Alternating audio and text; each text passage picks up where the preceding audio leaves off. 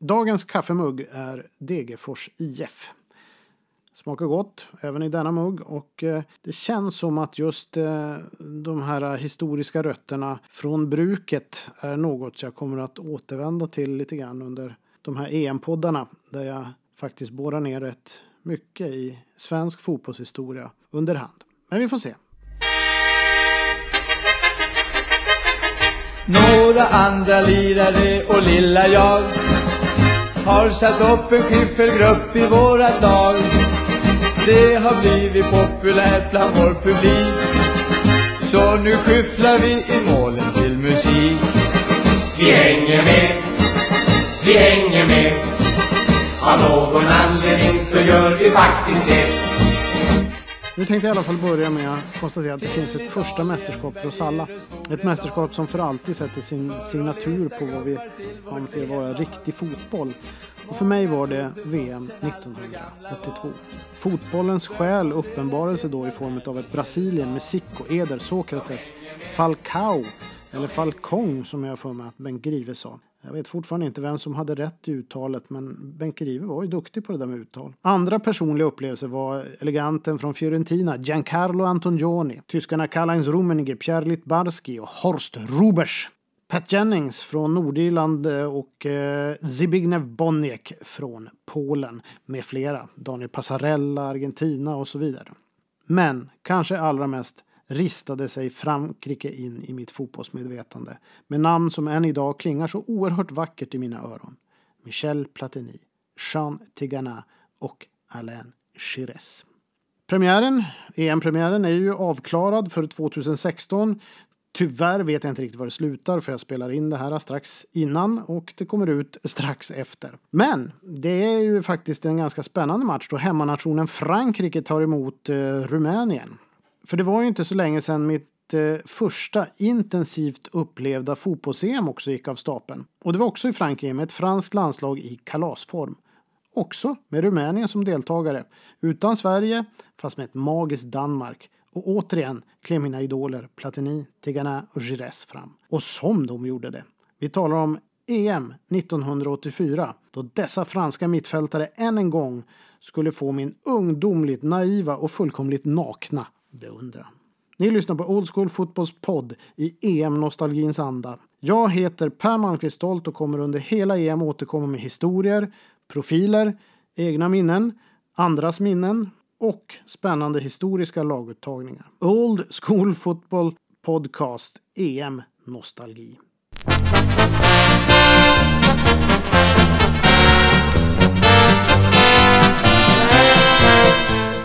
Och jag börjar med min väg i landslagsfotbollens tecken. Det har varit en lång väg att vandra, det ska jag villigt erkänna. När Georg Robbe Erikssons svenska fotbollsgrabbar gjorde succé i VM i Västtyskland 1974 var jag visserligen fyra år gammal, men då placerad med mina föräldrar på semester i en stuga någonstans på Gotland. Fotboll har aldrig varit en lika passionerat brännande ämne för min pappa som för mig, för att inte tala om min mamma som knappt kunde namnge de två stadslagen i min hemstad Boden, vilka då var bittra rivaler. Och alla vet ju att det är Bodens BK och Hornskrokens IF jag talar om. Men jag för mig att min pappa nämnde något om Sveriges framfart där eh, i juni 1974. Och det var under en semester faktiskt som för övrigt lämnat minnen som när jag sitter i pyjamas på en stubbe utanför stugan och spanar efter kaniner eller om det var harar, jag vet inte så noga. Eller som när de vuxna ägnade kvällar åt att spela det då mycket populära kortspelet Kanasta. Eller att mamma hade förstoppning under hela semestern, något som engagerade hela familjen. Eller det faktum att min pappa diagnostiserats med MS. Det senare förstod jag inte då, men det var något med stämningen. Tror jag i alla fall. Eller så är det en efterhandskonstruktion. Därför blev Ralf Edström, Roland Sandberg, Bosse Larsson med flera mitt första stora mästerskap som bara passerade revy. Likt kaninerna på Gotland.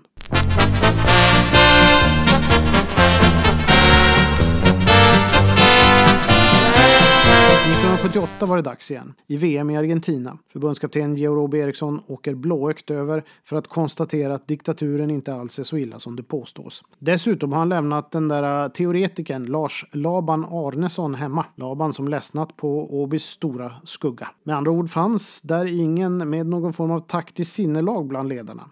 Taktik var aldrig Åbys styrka, eller Joje som han hellre kallades. Däremot hade han en idé om att fotboll var offensiv underhållning.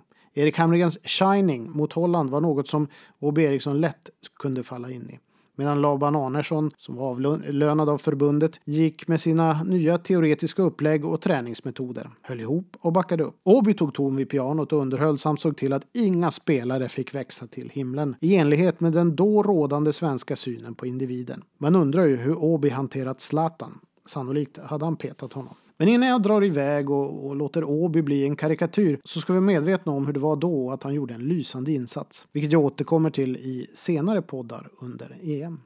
Sverige gör dock fiasko 1978 och åker ut redan i gruppspelet, men om detta vet jag knappt någonting. Än mindre Mario Kempes och Argentinas framfart, eller de totalfotbollsspelande holländarna, eller att Brasilien spelar både trist och brutalt. Min fotbollsfokus var inte inställd ännu. Den var på gång. Jag hade redan tingat mitt favoritlag på skolgården, Everton FC. Men man kan inte påstå att den stod i full blom. Istället hade jag upptäckt drama i form av tv-serien McKayen och jag vet inte om det kom före eller efter VM 1978, men McKayen, det är någonting jag aldrig glömmer. Den hårde men rättvise Sebulon McKayen som alltid ställde sig på det goda sida och fick mig att bli frälst i allt som hade med indianernas historia att göra. Minns sohövdingen Satangais reslighet och nästan gudalika värdighet. Avsnittet då Seb lämnade över Satangais döda kropp till armén var nog den första gången jag grät åt en oförrätt som drabbat någon annan än mig. Satangai var faktiskt strået vassare än Seb. Seb kunde allt. Jag tror inte han hade ett fel genom alla avsnitt som jag såg. Eh, och han var alltid hård men oerhört rättvis. Satangai hade en nivå till. Han var dessutom filosofisk. Både Satangai och Seb McKayen är två personer som om de hade varit mittbackar i vilket lag som helst hade dominerat världsfotbollen. Det skulle inte gå att slå dem helt enkelt. Och jag letar fortfarande efter deras likar har funnit det som har varit nära, men aldrig någon som har nått dit. Och jag kommer att fortsätta leta.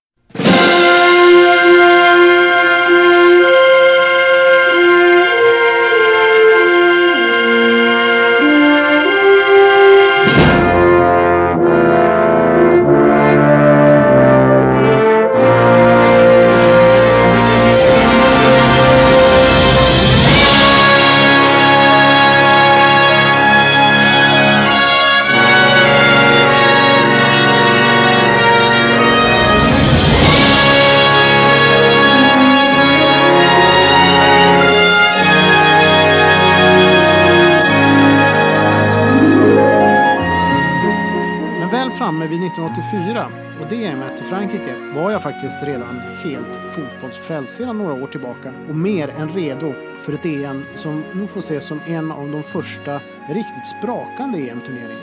Ännu rasade huliganismen och fotbollen kanske inte lyft sig mot forna tiders glädje med undantag för, för lag som Brasilien och Frankrike, för att inte tala om Danmark vars trupp vimlade av spännande namn. Inte minst magiska att rulla på tungan. Mikael Laudrup, Preben Elkjær, Sören Lerby, Sören Busk och så vidare. Även det tur som stod för premiären eh, nyligen, Frankrike och Rumänien, stod faktiskt på vardera sidan om underhållningsstängslet. Frankrike med mittfältseleganter som Alain Giresse, Jean Tigana och inte minst Michel Platini. Och så Rumänien som med en osedvanligt nitisk och effektiv defensiv avväpnat vårt eget svenska landslag i kvalet. Minns matcherna som hopplösa. Man hade kunnat skriva upp en nolla i det svenska målprotokollet redan innan avspark. På den tiden kändes det också flertalet öststatslag som rätt ouppnåeliga för Sverige. Och Rumänien var ett sånt järnridån var skoningslös. Rumänien inledde kvalet med lite champagnefotboll faktiskt om man ska vara riktigt ärlig. 3-1 mot eh, i och för sig svaga Cypern och 2-0 hemma mot eh, stackars Sverige. Sedan följde 0-0, 1-0 och faktiskt 0-1. Sen 1-0, 1-0 och så en liten avslutande målorgie med 1-1 borta mot Tjeckoslovakien. Det gick visserligen inget bra sen i slutspelet där man hamnade sist i den tråkiga av två grupper i EM. Frankrike var tidigt ett storlag i Europa. Den första turneringen 1960, som då gick under namnet Europacupen för landslag, spelades i just Frankrike. Flera stora nationer deltog inte, såsom England och Italien, och slutspelet var en uppgörelse mellan fyra lag. Frankrike, Jugoslavien, Sovjet och Tjeckoslovakien. I min eh, EM-nostalgi kommer jag inte bara att ägna mig åt ett berättande som tangerar sanning utan också ta ut olika favoritälvor. Älvor där eh, fem kriterier blandas till oigenkännlighet. Först och främst prestationer i EM. Därefter hur bra de var i övrigt. Följt av hur bra jag gillar dem. Samt avslutningsvis tar jag ut så, bara sådana som jag på något sätt känner till lite grann. Med andra ord subjektivt så det förslår, men kanske kan det väcka minnen om andra stora spelare, vilket jag gärna hör mer om i kommentarsfälten. Kanske kan man följa upp dessa herrar under turneringens gång. Först ut är därmed eh, EM-nostalgins 60-talselva. Och nu kommer vi till det femte kriteriet. Alla dessa spelare har blivit uttagna i något av All-star-lagen under turneringarna 1960, 1964 och 1968. Och målet är att kunna matcha den elva som röstades fram på Uefa.com nyligen, All Time Euro 11, vilken hade en extrem tyngdpunkt mot spelare från senare tider. Ska försöka ta ut ett lag från varje decennium som ska försöka matcha den här elvan. I mål Gianluigi Buffon. Fyrbackslinje Paolo Maldini, Franz Beckenbauer, Carles Piol och Philip Lahm. Mittfält tre stycken, Zinedine Zidane, Andrea Pirlo och Andres Iniesta. Anfall tre stycken, Cristiano Ronaldo, Marco van Basten och Thierry Henry. Ja, det är ju ett hyfsat lag får man ju erkänna. Men eh, i mitt lag från 60-talet har jag också valt en 4-3-3 uppställning, vilket i och för sig knappast var särskilt vanligt för någon av de spelare som är med här, möjligtvis eh, Bobby Moore eh, undantagen. Men jag tycker mig ha riktigt bra lirare för ett just 4-3-3-spel.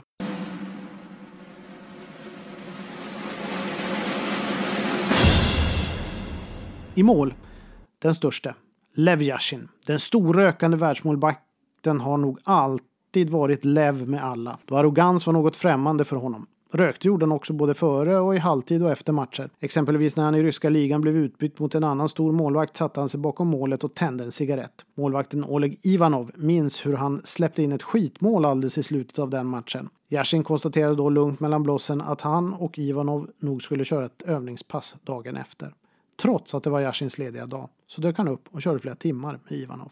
Det skulle bli 326 matcher i Dynamo Moskva mellan 1950 och 70 samt hela 78 landskamper för Sovjetunionen. Den första 1954 och den sista 1970. Förutom framskjutna placeringar och insatser i VM och Europacupen för landslag så tog han även guldmedalj i OS 1956. Det blev även fyra VM-turneringar. 1958, 1962, 1966 och 1970. Även om han var tredje målvakt 1970. Han höll nollan 270 gånger under karriären. Med Dynamo Moskva vann han ligan fem gånger i fotboll och en gång i ishockey. Sannolikt världens bästa målvakt genom tiderna. Den svarta spindeln var unik. På 90-talet blev han uttagen i 1900-talets världslag i magisk elva tillsammans med andra hyfsat kända spelare såsom Pelé, Diego Maradona, Franz Beckenbauer, Bobby Charlton och Eusebio. Men det är bara en av otaliga utmärkelser. Men störst var nog ändå triumfen i Europacupen för landslag 1960. Och så kommer vi till fyrbackslinjen. Högerback Vladimir Durkovic från Jugoslavien. En fantastisk ytterback. Stabil i försvar och stark i offensiven. Huvuddelen av karriären ägnas åt Röda Stjärnan Belgrad men också franska Saint-Étienne. 50 landskamper och Europacupen för landslag där Jugoslavien kom tvåa 1960 och blev ett lit, lite av ett genombrott för honom. Tyvärr ändades hans eh, liv i juni 1978 då han av misstag sköts ihjäl av en polis i Sion i Schweiz. FC Sion blev därmed hans sista klubbadress. Han var också med givetvis i All-star-laget 1960. Som en av mittbackarna, och nu vet jag inte om jag uttalar det här rätt, Albert Chesternoy från Sovjetunionen, även kallad Ivan den förskräcklige. En libero som anses vara en av de allra bästa i Europa och ofta ansedd som Sovjets bästa försvarare genom tiderna. Totalt 90 landskamper och för det mesta som kapten. Men också känd för att ha valt fel sida av myntet när han och Italiens Jacinto Fascetti singlade slant om vilket lag av Sovjet och Italien som skulle gå till final i EM 1968. Det här efter 0-0 eh, vid fulltid och övertid. Så gick de ner och singlade slant. Chesternoy fick eh, äran att välja. Han valde fel. Den andra mittbacken, som inte är Libro då, det är Bobby Moore, England. Kommer med på det berömda håret. Visserligen blev han uttagen i All-Star-laget under turneringen 1968, men Moore och England var som regerande världsmästare knappast nöjda med en tredje plats, vilket även var den första gången man deltog faktiskt. Ändock så är lagkaptenen och VM-mästaren från 1966 ett mycket intressant komplement i en backlinje jag tror blir oerhört svår att överlista. Den fjärde länken i backlinjen är vänsterbacken Italiens Giacinto Fascetti. En italiensk vänsterback med 634 matcher för Grande Inter. En av de första berömda anfallande ytterbackarna. Ledartyp, alltid korrekt och helt enkelt den komplette wingbacken. Nyckelspelare i Elenio Herreras Inter och Catenaccios allra största utövare. Hela 94 landskamper för Italien. Vann den viktiga slantsigningen i semifinalen 1968 som ju då gav en finalplats åt Italien. Han och Chester följde domaren ner till omklädningsrummet där Fascetti valde rätt sida av myntet. Och så kommer vi till mittfältet. Sandro Mazzola från Italien. Kanske en av Italiens allra bästa genom tiderna. I landslaget blev EM-pokalen 1968 hans främsta merit under en lång och framgångsrik karriär. En dröm för Herreras Inter åt vilka han ägnade hela sin karriär mellan 1960 och 1977. Konkurrensen på mittfältet är minst sagt knivskarp, men Mazzola går inte att förbise. Han hade ju allt. Extremt taktiskt begåvad, vilket var ett krav i Herreras Inter. Med stor arbetskapacitet, användbar på flera positioner, framförallt framåt i banan och det saknades inte elegans och passningsförmåga. Kan inte tänka mig en bättre kugge på mitten. Störst konkurrent är inte mindre än den ungerske eleganten Florian Albert med smeknamnet Kejsaren och ansedd som en av de mest eleganta spelarna någonsin. Men han hamnar utanför, strax utanför laget. Också på mittfältet Josef Masopust från Tjeckoslovakien. European Footballer of the Year 1962 och till och med Pelé har rankat honom som en av de 125 bästa då levande spelarna i världen. Han dog 2015. I Tjeckoslovakien är han den allra störste. En box-to-box mittfältare med stor arbetskapacitet, dessutom en lysande passningsfot. Kanske ingen stor tacklare, men en mästare på att läsa spelet. Och så den tredje länken på mittfältet, Igor Netto, Sovjetunionen. Ännu en av dessa lysande sovjetiska spelare. Tar plats på mittfältet för sin enastående fotbollsintelligens tillsammans med en offensiv vilja kompletterad med en enastående teknik. Kanske inte lika känd som sina två mittfältskollegor, men i ett tremannamittfält utan yttrar har vi här en balans som blir svår att stå emot för de stackars motståndarna. Netto var i högsta grad, allra högsta grad delaktig i vinsten i Europacupen för landslaget 1960. Och så är vi framme vid forwardslinjen. Milan Galic, Jugoslavien. Jugoslaviens näst bästa målskytt genom tiderna på 37 fullträffar. Gjorde också lagets ledningsmål i final mot Sovjet 1960. Eh, Milan Galic spelade för Partizan Belgrad men gick efter 1966 vidare utomlands till Standard Liège och franska Reims. Med sina 37 mål är han den näst bästa målskytten i det jugoslaviska landslaget efter Stefan Bobek. Och just 1960 skulle bli ett magiskt år på den internationella arenan för Galic. Guldmedalj och skyttekung i OS med sju mål och final och skyttekung i Europacupen för landslag. Allt under året 1960. Och så har vi Luigi Riva, Italien. Ja, här behövs knappast någon presentation. Cagliari-anfallaren var Italiens främste på sin tid med sina 35 mål för Gli Azzurri. Är han dess bäste målskytt genom tiderna. Snabbhet, styrka och kontroll framför mål. En äkta goalgetter. Smeknamnet Roar of Thunder, Rombo di Tuono, Oskans Muller eller något åt det hållet passar perfekt. Också Dragan Djajic från Jugoslavien. Jugoslaviens meste landslagsman genom alla tider. 85 landskamper, dessutom med eh, en lång och framgångsrik karriär i Röda Stjärnan Belgrad samt några år i Frankrike och SC Bastia. Djajic var en lysande ytter med hela verktygslådan av välslipade och extremt finjusterade verktyg. Mästerliga inlägg och passningar, briljant teknik och snabbhet följt av tunga frisparkar. En underskattad fotbollsmagiker som av många ansågs tillhöra den riktigt stora Europaeliten. I slutet av 2011 blev han av Goal.com uttagen i en Europamästerskapselva genom tiderna. Djajic vann turneringens skytteliga 1968, utnämndes till turneringens bästa spelare och kom givetvis med i turneringens lag. Närmast att komma med i elvan, men eh, ändå hamna utanför var då Florian Albert i Ungern, eh, mittfältaren Vladimir Ivanov från Sovjet och anfallaren Ferenc Bene från Ungern. Ett klart konkurrenskraftigt lag som dock behöver en kanondag för att kunna utmana All Time Euro 11. Men nog hade man gärna sett dessa gubbar lira tillsammans.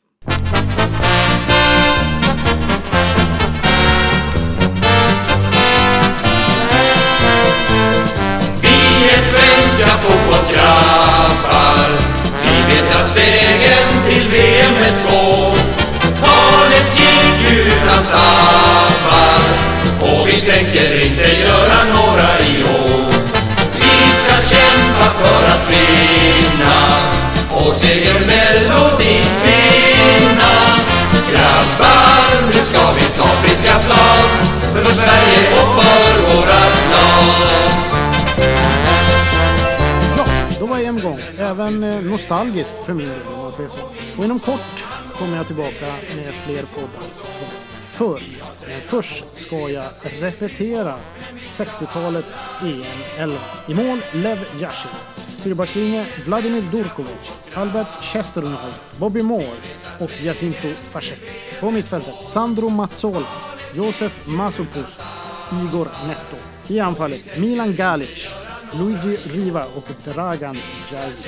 Och då är det dags att ta sista klunken från kaffekoppen och tacka för mig idag. Jag kommer tillbaka med EM i nostalgins riktning.